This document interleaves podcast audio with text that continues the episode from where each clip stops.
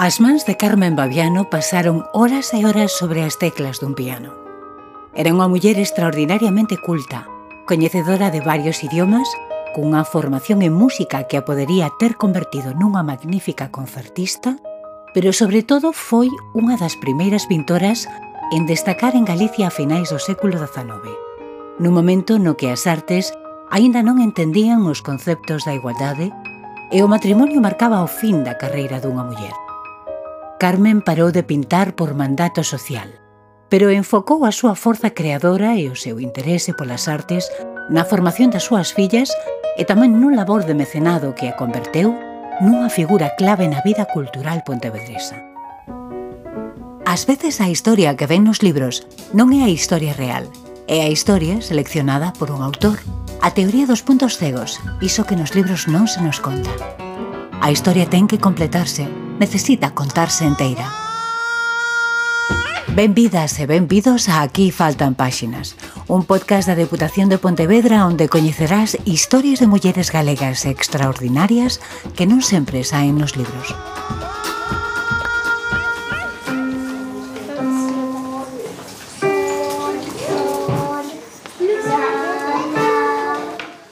No magnífico piano inglés colar e colar da Casa de San Román, A boa Tomasa ensináballe a pequena Carmen e as súas primas a música de Beethoven, Mozart, Haydn, Bach.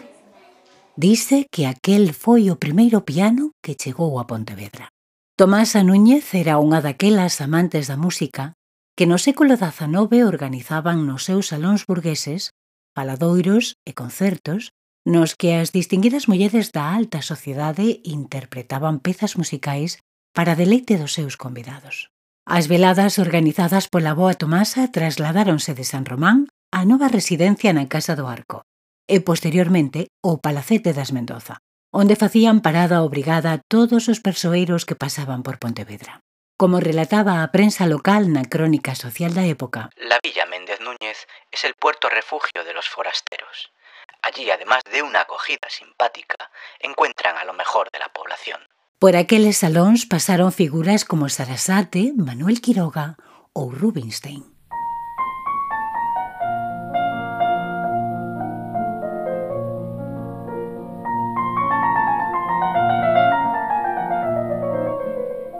Este foi o ambiente no que se criou Carmen Babiano, que era filla do matrimonio formado por José Babiano e Clara Méndez Núñez, e sobrinha do almirante e heroe nacional Casto Méndez Núñez continuador do legado dunha longa saga de militares e mariños de gloria que colocaron a familia Méndez Núñez nunha distinguida posición social.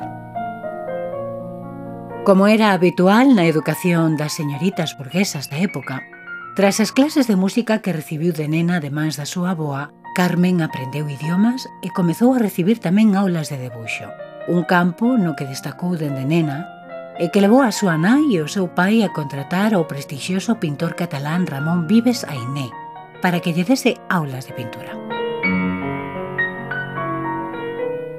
Vives traballaba desde 1866 como profesor no Instituto de Pontevedra. El formou un ano de buxo en óleo, unha técnica coa que Babiano plasmou escenas costumistas, retratos, bodegóns ou flores. Estes eran os temas reservados para as mulleres. Durante moitos anos, as rapazas tiveron prohibido pintar sobre certos asuntos e tampouco se lles permitía a entrada na Real Academia de Belas Artes de San Fernando, que fora fundada no 1752 e que só 26 anos máis tarde, en 1878, articula a creación dunha filial que era a Escola de Pintura e Grabado, a que as estudantes femininas sí podían acceder, aínda que con certas condicións. Las mujeres no podían asistir ni a clases de, anatomía, ni de composición, tampoco al color, y se les prohibía eh, pintar temas eh, relacionados con la historia, o sea, temas históricos y también temas mitológicos. Estos temas en los hombres tenía un gran predicamento porque estaban de moda en ese momento y eran generalmente los que ganaban los certámenes que siempre tutelaba Los grandes certámenes los va a tutelar siempre la Academia de Bellas Artes y eran los que ganaban más premios. Por lo tanto, ¿qué les dejan a las mujeres? pues temas más acorde con su sexo. Con sus, eh, y estos temas eran eh, bocetos eh, del cuerpo humano, copias de obras de grandes artistas, como formación, dentro de la formación del dibujo.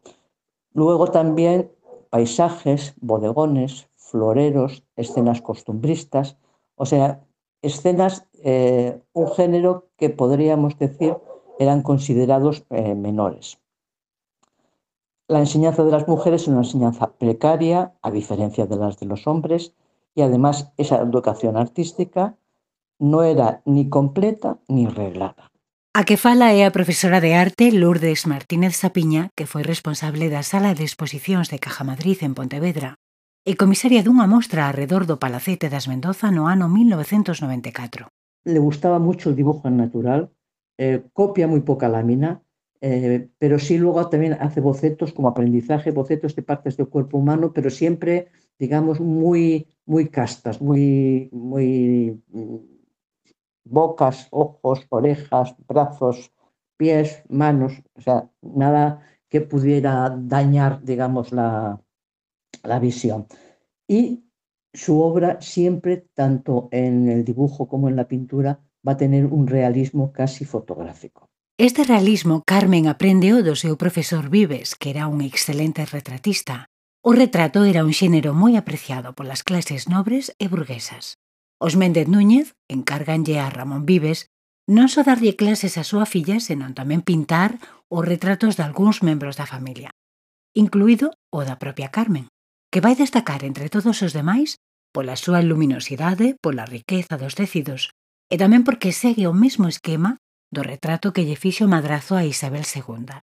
De pé, en escorzo e co brazo dereito na mesma posición, portando o igual que a reiña, un brazalete que neste caso leva a inscrición recordo.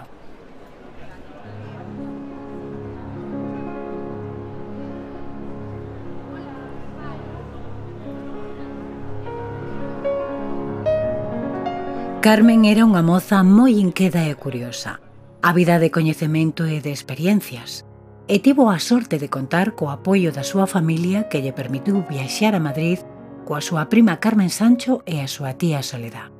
Unha viaxe de prazer que se prolongou durante meses en a que a pretensión non era outra que facer que Carmen tomase contacto con máis alto da sociedade madrileña. Carmen viaja, estando soltera, pasa bastante paradas en Madrid, viaja tamén a Portugal, eh, le interesaba todo, va a museos, va a exposiciones, hace vida social, va a conciertos, eh, de manera que es una mujer en ese sentido eh, mm, eh, muy, eh, muy adelantada pero también tuvo esa suerte que a ella no le cortaron las alas como se las cortaron a, a otras. O mesmo día que chegan a Madrid van a ópera a ver Guillermo Tell.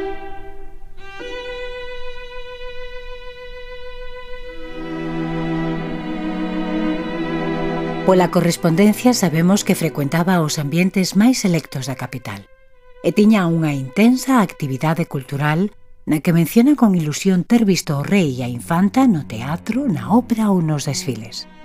Tamén conta con entusiasmo ter podido coñecer ao violinista e compositor Jesús de Monasterio, do que era unha gran admiradora. Que no saben con quién he tenido el gusto de hablar ayer.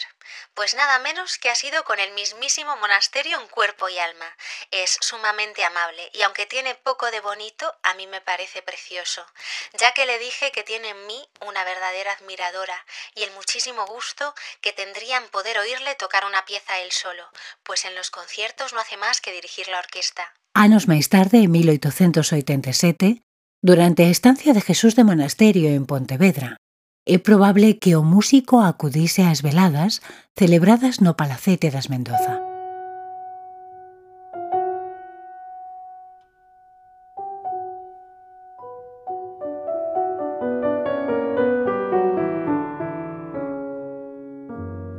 En Madrid, ademais de toda esta actividade cultural e social, tamén aproveitaron para comprar partituras musicais e sobre todo materiais de debuxo como lápices litográficos, pincéis, pinturas ou plumillas que Carmen empregaría con esmero nas súas obras. Con apenas 18 anos, Carmen Babiano xa participara na súa primeira exposición, unha mostra colectiva de pinturas realizada no Instituto de Bacharelato de Pontevedra, onde presentou debuxos de figura, de paisaxe e de adorno. Cinco anos máis tarde, a volta de Madrid e Lisboa, Logra destacar o lado de artistas consagrados na Exposición Rexional de Galicia que se celebrou en Santiago. Alí presenta catro paisaxes ao óleo e dúas a lápis, que a fan merecedora da medalla de cobre. Carmen volverá a ser premiada tres anos despois na exposición local da Coruña, onde consegue a medalla de bronce cun retrato ao óleo do seu tío Genaro, o marqués de Méndez Núñez. Nese certame participan outras dúas mulleres, Amalia de la Rúa Figueroa e Somoza, condesa de Pardo Bazán, e a súa filla Emilia Pardo Bazán. Con ela Babiano mantivo unha estreita relación. A escritora coruñesa, que xa na altura era unha firme defensora dos dereitos das mulleres, visitaba Pontevedra con frecuencia e participaba nas actividades culturais que se organizaban na Casa dos Méndez Núñez. Pardo Bazán chegou a dedicarlle un poema a Carmen Babiano para o seu álbum persoal. Naquel momento, o álbum era un signo de prestixio e distinción para as mulleres das clases altas. Tratábase dun gran libro realizado con bons materiais e unha coidada encadernación no que se dedicaban textos literarios, partituras, pinturas ou debuxos. Podía ser enviado ao artista ou escritor para que fixese a súa dedicatoria e o seu regreso colocábase nun lugar destacado do salón da casa para que todos o pudesen ver.